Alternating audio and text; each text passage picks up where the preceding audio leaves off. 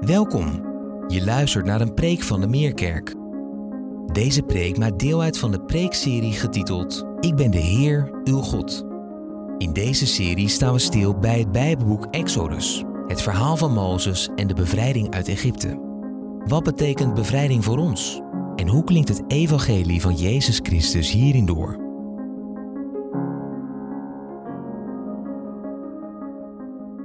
Lieve mensen, Henrike die noemde het al.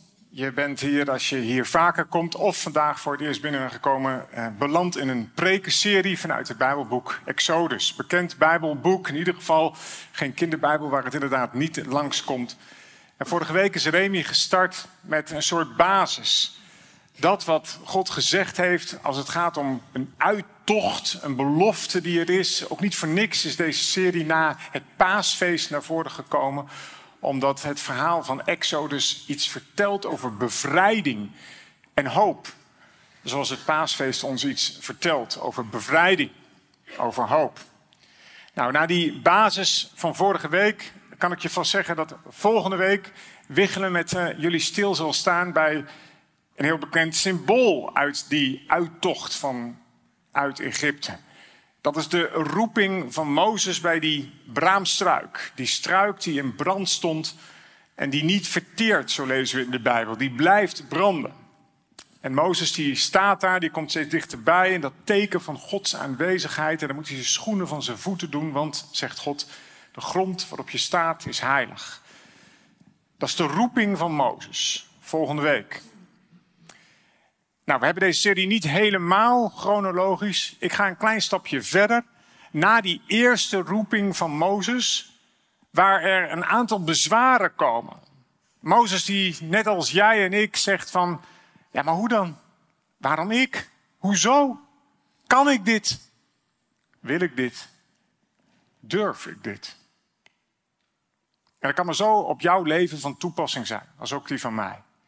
Dat God iets van je vraagt in het groot of in het klein, waar je ernstige twijfels bij hebt. Waar je ook bezwaar tegen maakt. Hoezo zou ik dit moeten doen? Daar gaan we met elkaar bij stilstaan. En ik ga dat iets anders doen dan dat we meestal doen. Dat er gepreekt wordt vanuit een tekst, vanuit een Bijbelgedeelte. We gaan echt met elkaar gedurende de preek dit gedeelte lezen. Dat mag in je eigen Bijbel, de Bijbel die je fijn vindt om te lezen, maar je mag het straks ook meelezen op de beamer. Wat er gebeurt nadat Mozes geroepen is, is dat hij allereerst de vraag stelt aan God: Ja, maar hoe weet ik dit nou eigenlijk zeker? En dan is het antwoord van God: Die zekerheid die krijg je als je straks bevrijd zult zijn met je volk Israël uit Egypte en als je bij de berg Sinaï mij gaat aanbidden. Moet je even met me meedenken. Dus je wordt geroepen, je vraagt je af, ja, wacht even, hoezo? Hoe weet ik dit zeker? Bewijs het is. En dan zegt God, het bewijs is als je straks het volk Israël bevrijd hebt en als je bij de berg Sinaï mij aanbidt. Dat is een bewijs in de toekomst. Dat vraagt geloof. Toch? Zeg je, ja, ja, bewijs is dat dat zo is. Nou, over een jaar misschien, dan zul je zien dat het waar is. Mozes gaat daar dan ook niet mee akkoord, zou jij kunnen zeggen. Want hij zegt tegen de mensen: Ja, weet u, ik wil best naar dat volk Israël toe gaan. En zeggen: Nou ja, weet je, jongen, God heeft tegen me gesproken. Wij gaan het, uh, wij gaan het land verlaten. We gaan naar de berg om God te aanbidden. Daar, daar kom ik niet mee weg. Als mensen dan zeggen: Ja, hoezo? God heeft tot jou gesproken. Wat moet ik tegen de mensen zeggen als ze zeggen: God heeft helemaal niet tegen jou gesproken? Wat moet ik dan zeggen? Nou, zegt God, dan moet je zeggen: Ik ben, heeft mij gestuurd. Als, je, als ze je vragen: wie is die God die tot jou gesproken heeft? Wat voor God? Dan moet je zeggen: Ik ben, heeft gesproken. Ik zal zijn die ik zal zijn. Yahweh, de God van het verbond. Niet de eerste, de beste, wie heeft tot jou gesproken, Mozes? En dat moet je dan maar zeggen tegen de Israëlieten die zich afvragen of het allemaal wel klopt. Nou, dat heeft zich nu plaatsgevonden. En dan gaan we samen lezen in Exodus hoofdstuk 4. We beginnen bij vers 1. Weer maakte Mozes bezwaar. Weer duidt dus op wat ik zo net verteld heb. Eerste keer, wie ben ik? Tweede keer, Hoe, eh, hoe kan ik eh, zeggen wie u bent? En dan de derde keer. Weer maakte Mozes bezwaar. Ze zullen me vast niet geloven. Ze zullen niet naar me luisteren, zei Mozes. Ze zullen zeggen, de Heer is helemaal niet aan jou verschenen. En de Heer vroeg, wat heb je daar in je hand? Een staf, zei Mozes. Gooi hem eens op de grond, beval de Heer. En toen Mozes dat deed, veranderde de staf in een slang. Mozes deinsde achteruit. Maar de Heer zei tegen hem: Grijp de slang bij zijn staart. En toen Mozes dat deed, veranderde in zijn hand de slang weer in een staf. En de Heer zei: Hierdoor zullen ze geloven dat de Heer, Yahweh, de God van het verbond, de God van je voorouders, van Abraham, de God van Isaac, de God van Jacob, aan jou verschenen is. En ook zei hij: Steek je hand eens in je kleed. En Mozes deed dat. En toen hij zijn hand er weer uittrok, zat hij onder de uitslag. Hij was sneeuwwit. En steek je hand dan nog eens in je kleed, zei de Heer. En Mozes deed het en toen hij zijn hand er opnieuw uittrok, zag hij er weer net zo uit als de rest van zijn huid. Nou, als ze je niet geloven door het eerste wonderteken en daardoor laten overtuigen, zei de Heer, dan zullen ze zich wel laten overtuigen door het tweede. En als ze door geen van deze beide wonderen te overtuigen zijn, blijven ze weigeren naar je te luisteren.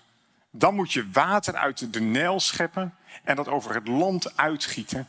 Het water uit de Nijl zal op het droge in bloed veranderen. Eerst even tot hier. Voor iedereen die hier zit, die zegt, ja, die tien plagen uit Egypte, dat weet ik nog wel. Dat heb ik, uh, dat heb ik wel geleerd vroeger. Dat was tegen de farao, toch, die niet wilde luisteren. De eerste plaag gaat niet zozeer over de farao die niet wilde luisteren, maar over de mensen die Mozes niet geloven. Als hij staf op de grond gooit die een slang werd, als hij zijn hand mee laat zou worden.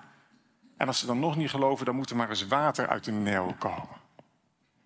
Dat is interessant, hè? Dus die eerste van de tien plagen die gaat nog niet zo heel erg over de farao. gaat over het volk Israël. Als je dat nog niet wist. Weet je wat ik zo fascinerend vind in dit Bijbelgedeelte?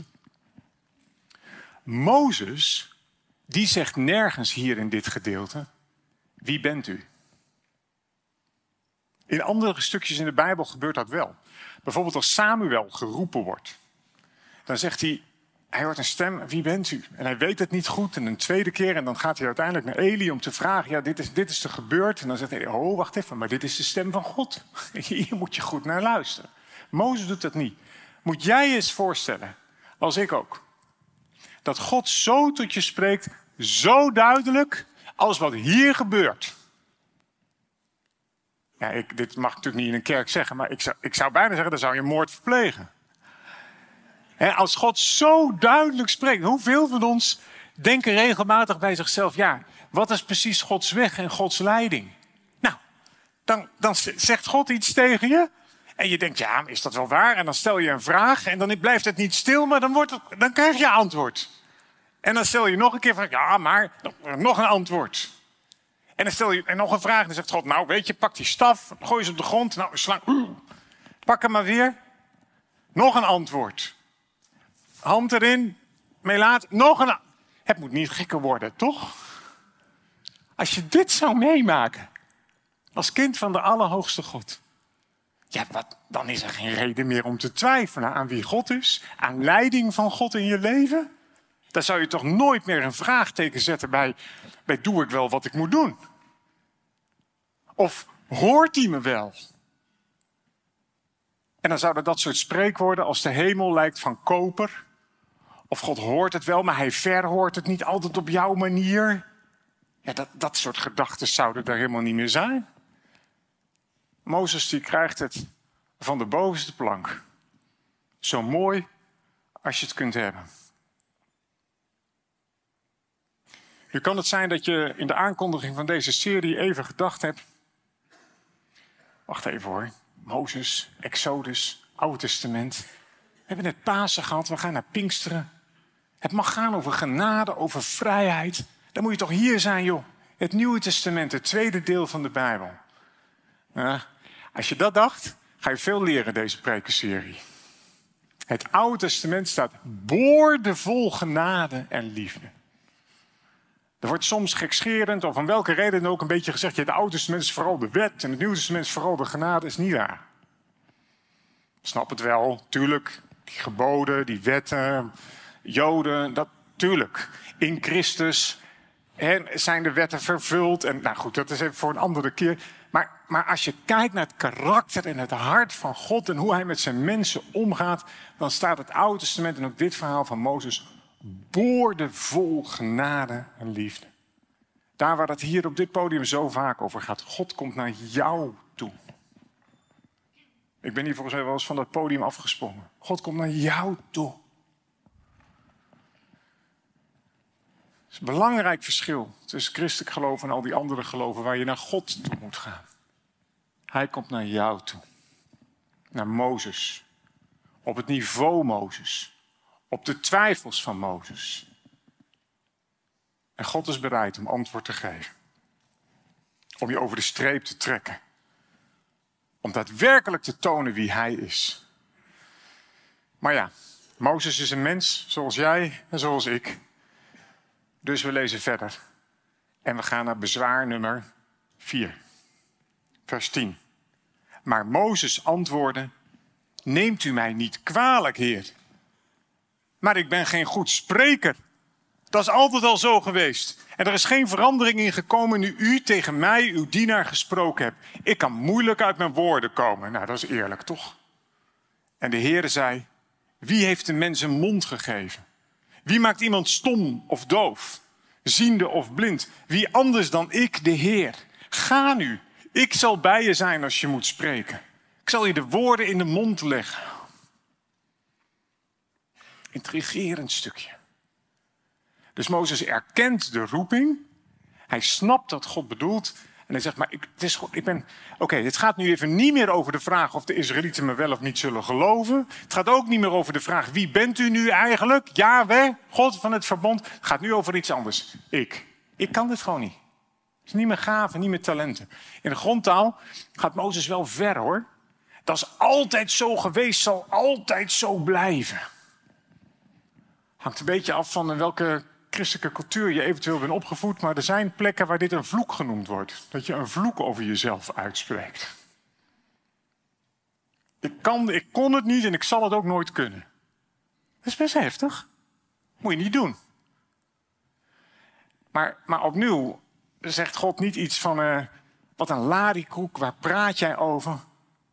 Wat God doet is het argument van Mozes serieus nemen, maar hij zet het in een ander perspectief. Mozes, hey, ik ben je schepper. Wie heeft een mens een mond gegeven? Het is een heel simplistisch antwoord, hè? Alsof een vader of een moeder met zijn kind spreekt. Ik ben degene die jou een mond heeft gegeven.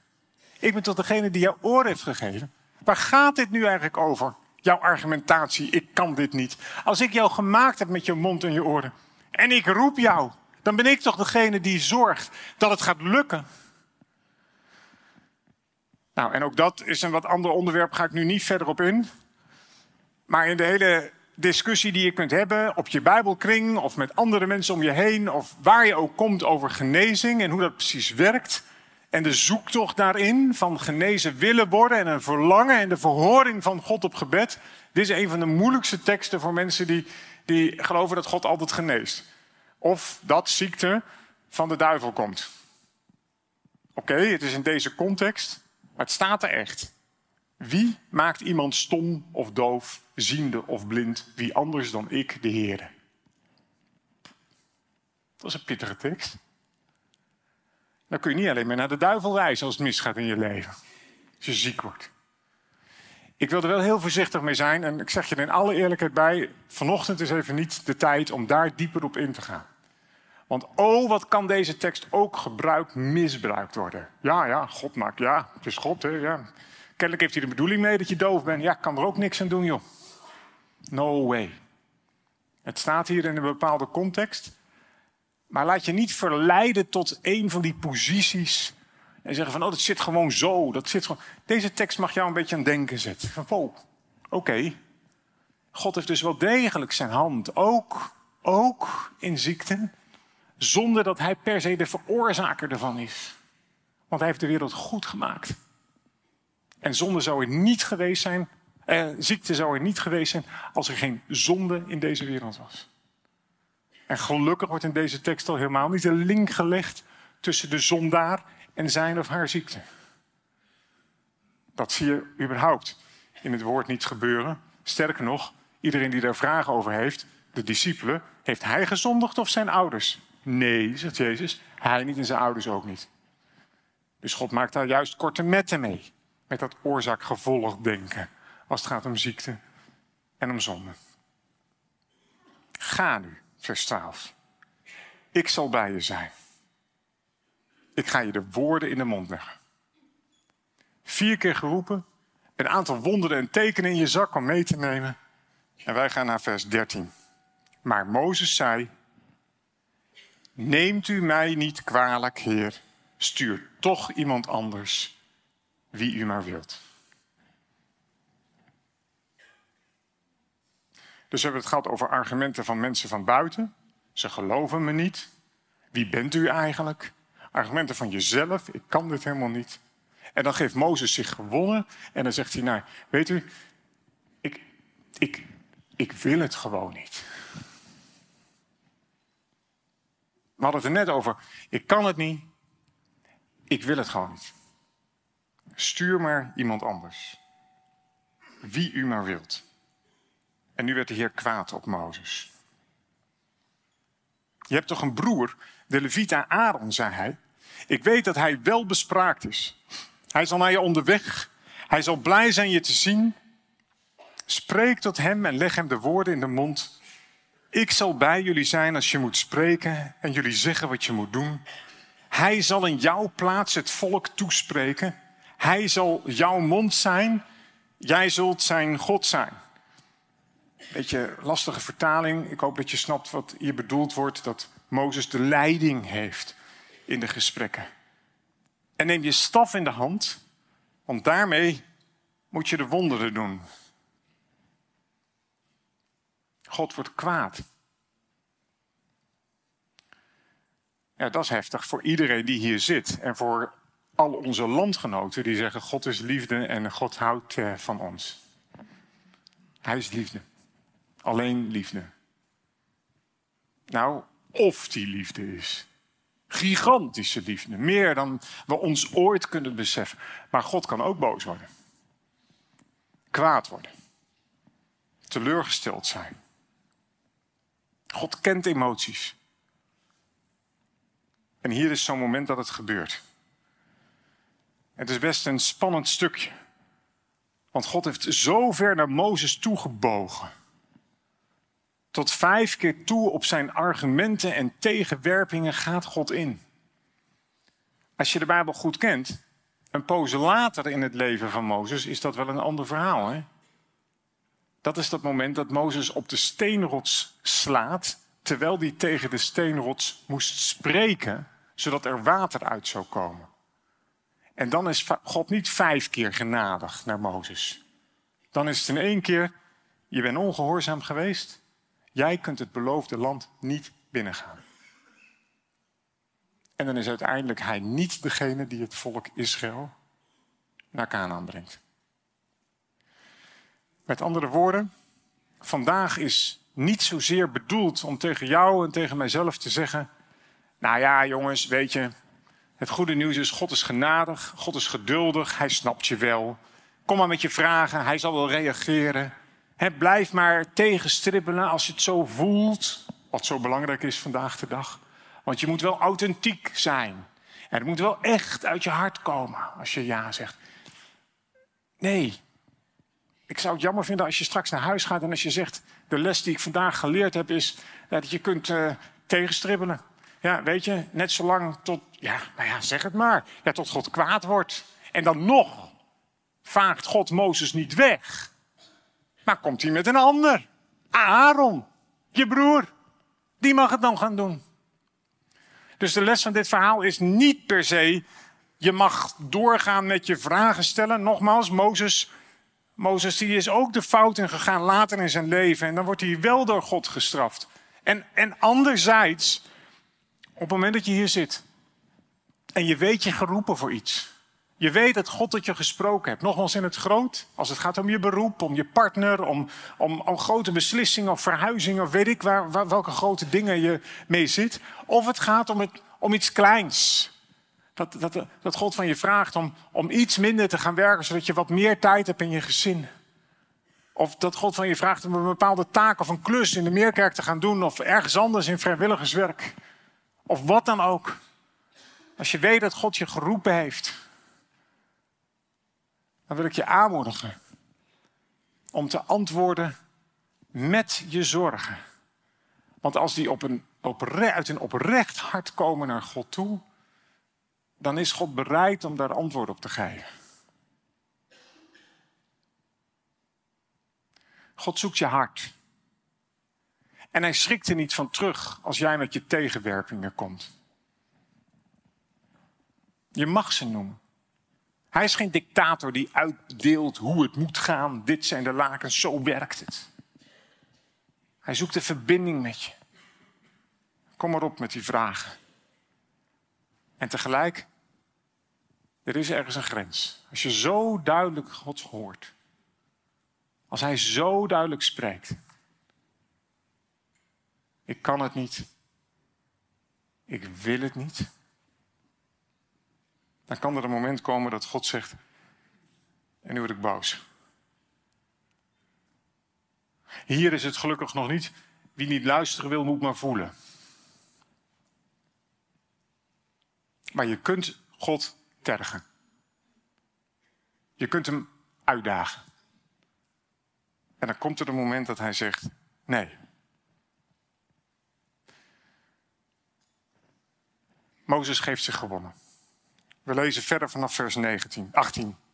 Mozes ging terug naar zijn schoonvader Jethro en hij zei tegen hem: Ik zou graag teruggaan naar Egypte om te zien of de mensen van mijn volk nog in leven zijn. Ga in vrede, antwoordde Jethro. Eventjes, hè? Is dit wat God gezegd had tegen Mozes? Ga jij maar eens naar Egypte om te zien of je mensen nog in leven zijn?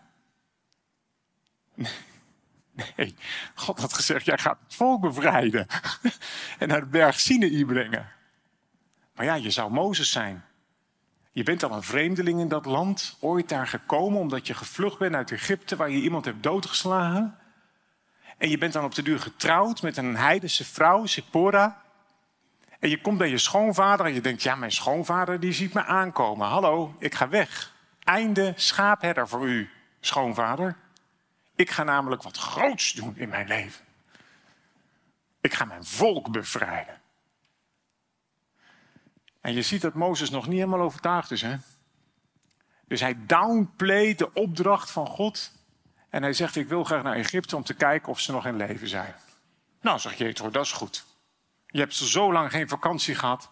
Ga jij eens die kant op om te kijken of je volk nog in leven is. Ga in vrede. Heb een fijne tijd.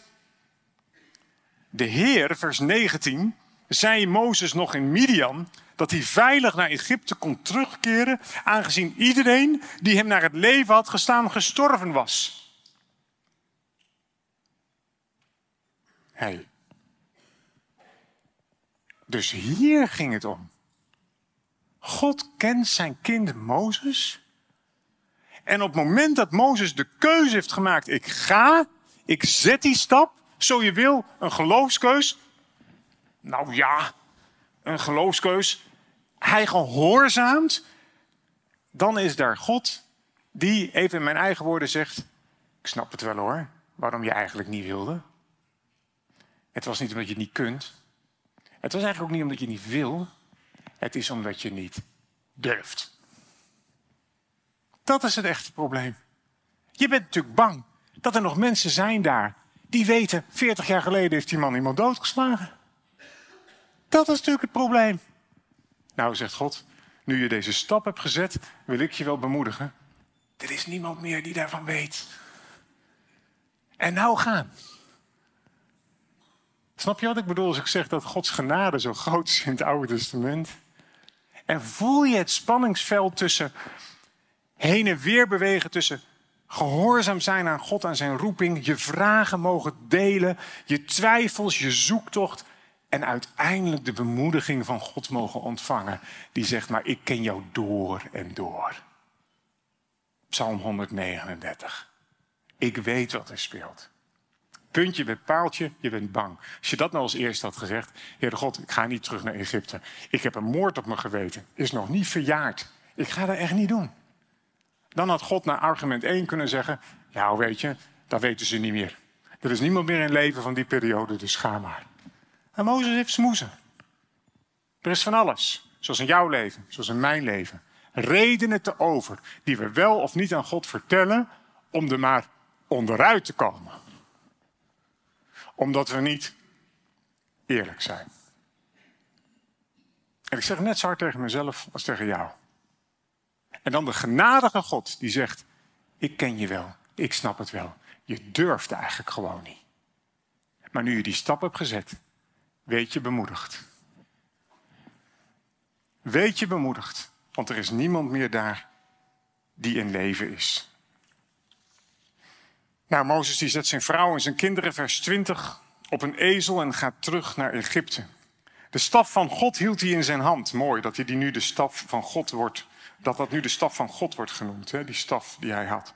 De staf waar die wonderen mee mocht doen. Toen zei de Heer tegen Mozes, nu je terug gaat naar Egypte, moeten jullie daar de farao alle wonderen en alle tekenen laten zien waartoe ik je de macht heb gegeven. En ik zal ervoor zorgen dat hij hardnekkig weigert om het volk te laten gaan. En dan moet jij tegen de farao zeggen, dit zegt de Heer, Israël is mijn zoon, mijn eerstgeboren zoon. Ik heb je bevolen mijn zoon te laten gaan om mij te vereren.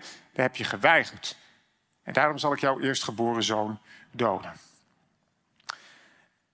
Um, heel verhaal, pijnlijkste, moeilijkste stukje, dat God ervoor zal zorgen dat de farao hardnekkig zal weigeren. Dat is een moeilijke tekst, toch? Vind ik wel.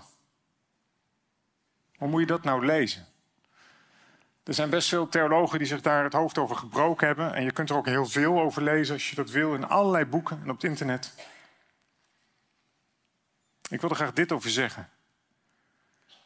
De Bijbel laat klip en klaar zien bijvoorbeeld in de, Petrusbrief, dat God niet wil, let op, niet wil dat er iemand verloren gaat. Maar hij wil dat allen tot bekering komen.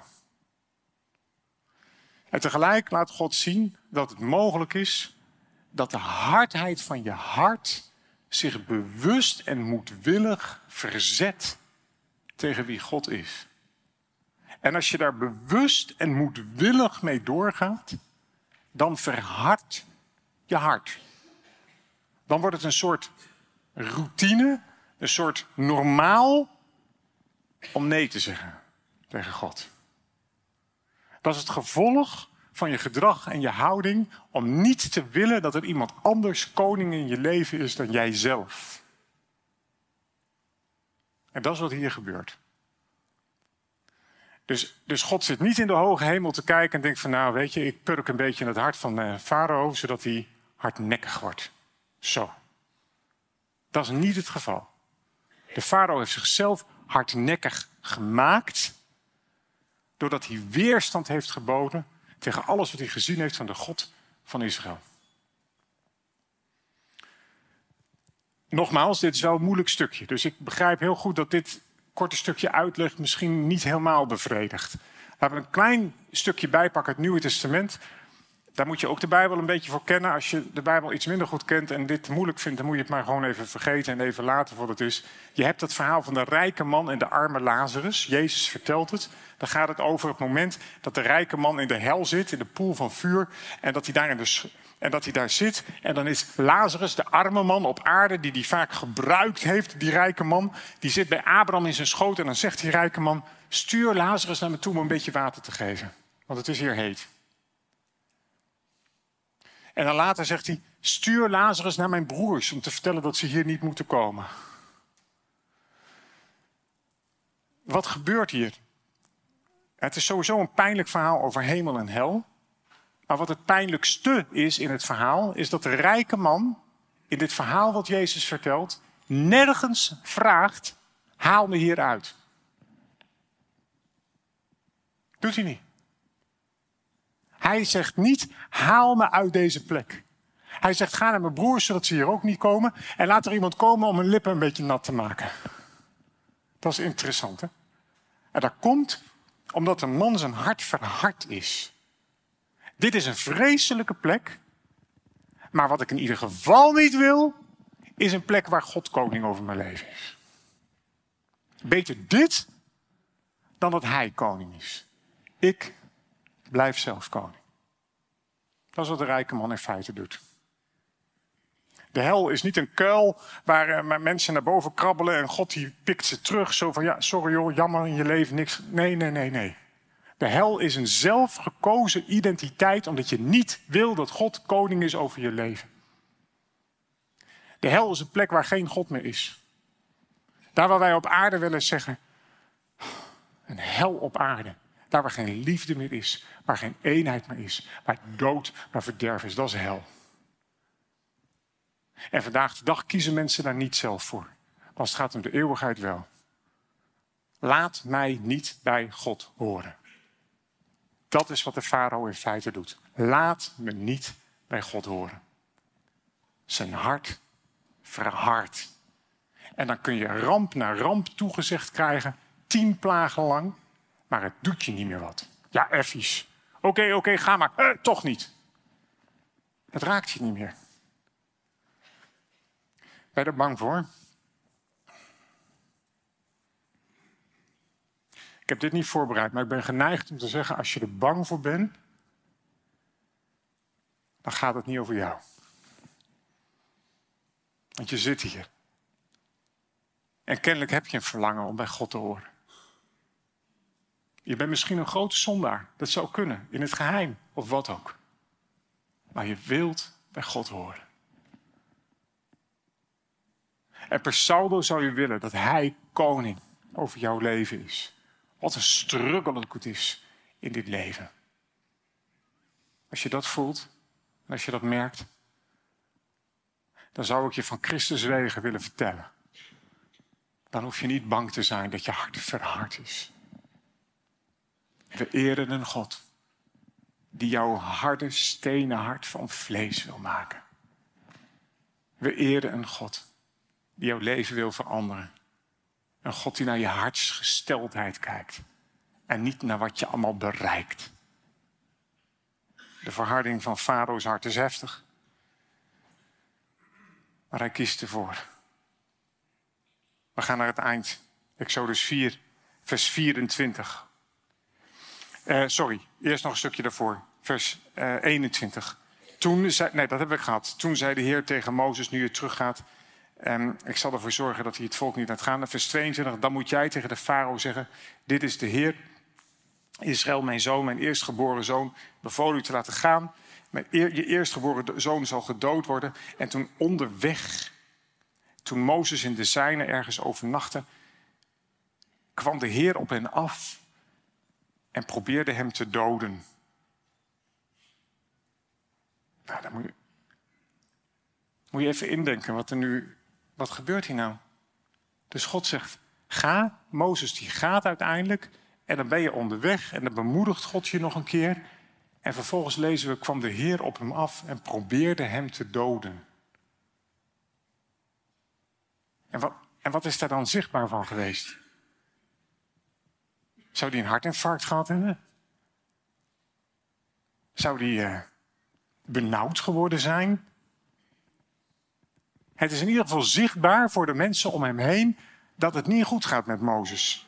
Zippora, vers 25, pakt een scherpe steen, sneed de vooruit van haar zoon weg, raakte daarmee Mozes voeten aan, terwijl ze zei: Een bloedbruidegom ben jij voor mij. Ze noemden een bloedbruidegom vanwege de besnijdenis. En toen liet de Heer hem met rust. Mozes is getrouwd geweest hier met Sephora. Een heidense vrouw.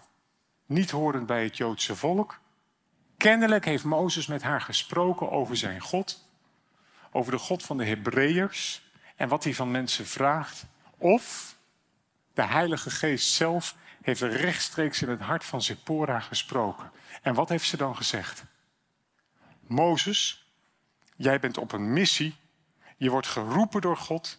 Je hebt uiteindelijk na veel vijven en zessen ja gezegd. Maar je leeft zelf niet heilig. Je gaat iets doen in naam van de Allerhoogste God. Maar je hebt de keus gemaakt om een van zijn geboden niet te hanteren. En welke is dat dan? Besnijden van je zoon.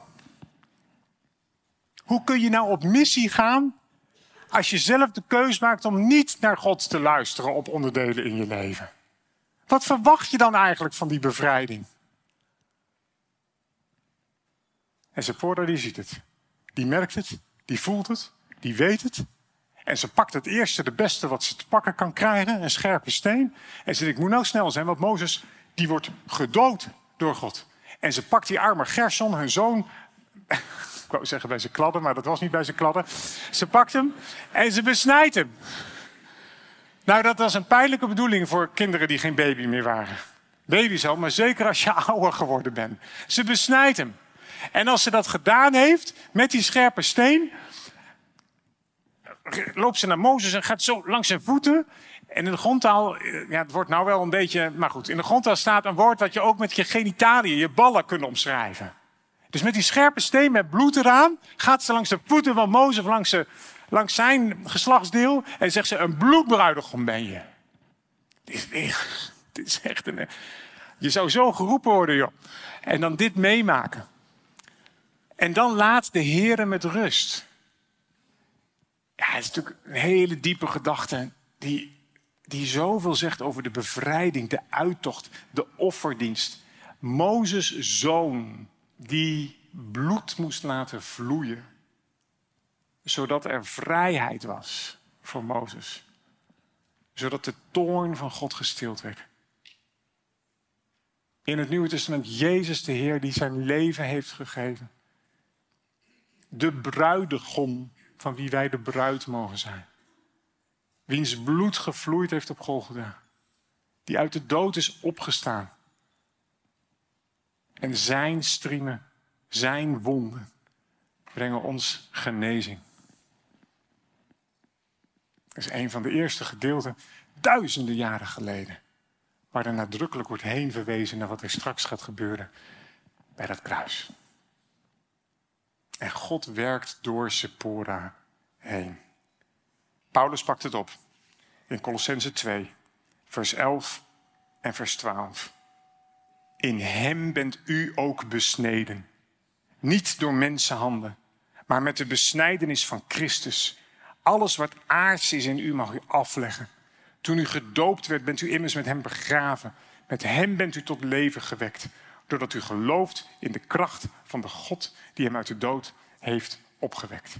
De Heilige Geest die ons overtuigt van schuld, van zonde. Zoals Sephora Mozes in zekere zin overtuigde. Zoals de Heilige Geest tot Sephora heeft gesproken. Of Sephora zich herinnerde wat Mozes ooit had verteld over de God van Hebreeën. Hu, dat moest toch besneden worden? En het eerste wat ze denkt als Mozes daar onwel wordt, is: dit heeft te maken met het feit dat hij zich niet aan de geboden van die heilige God heeft gehouden. Dank God voor Sephora. En we lezen tenslotte vers 27. De Heer had tegen Aaron gezegd: Ga de woestijn in, Mozes tegemoet. Hij was onderweg gegaan, ontmoette Mozes, bij de berg van God. Hij kuste hem. Mozes vertelde aan Aaron wat de Heer hem had opgedragen, wat hij moest zeggen, welke wonderen hij moest doen. En toen ging Mozes en Aaron samen naar Egypte en ze riepen de oudsten bij elkaar. En Aaron herhaalde elk woord voor woord wat de Heer tegen Mozes had gezegd. En hij liet het volk de wonderen zien en de Israëlieten werden ervan overtuigd. En toen ze hoorden dat de Heer hun ellende had gezien en zich hun lot had aangetrokken, knielden ze ze neer en, en bogen ze diep neer. En dat is het eind. En daar wil ik je graag straks mee naar huis sturen. Het is een ingewikkeld verhaal. Mozes die vijf keer met argumenten komt waarom dit niet kan. God die toch in zijn genade naar hem toe komt. God die vervolgens boos wordt en zegt, nou afgelopen. God die vervolgens Mozes bemoedigt en zegt, ik snap je wel waarom je niet durft. Maar don't worry, ga nu gewoon. En dan de volgende dag probeert God Mozes te doden. Ja jongens, wat is het nu? Is God nu genadig en blij dat Mozes wat voor hem doet of niet? Moet je nu oppassen voor die God vanwege zijn willekeur? Ik hoop dat je vanmorgen iets proeft van de heiligheid van God. Zoals de mensen die dit verhaal horen in heiligheid op hun knieën gaan en zeggen als dit het is, dan heeft God gesproken en dan zullen wij luisteren. In die zin is het niet voor niks geweest. Er gebeurt iets. En jawel, het volk Israël is voorbereid op die wonderlijke uittocht. En ik wil jou vragen: kun je niet op pad? Of wil je niet op pad? Of durf je niet? Durf je niet op pad omdat je zoveel naar jezelf kijkt? Laat je bemoedigen. En laat je aansporen vandaag. En als dit Bijbelgedeelte je een klein beetje in verwarring brengt. Ah, je bent hier niet om alleen maar bevestigd te worden in je denken, toch? Pak de preek van de week er dan maar bij deze week. En denk er eens goed over door. En vraag God wat Hij hier doorheen tegen jou wil zeggen. Amen. Laten we een moment stil zijn.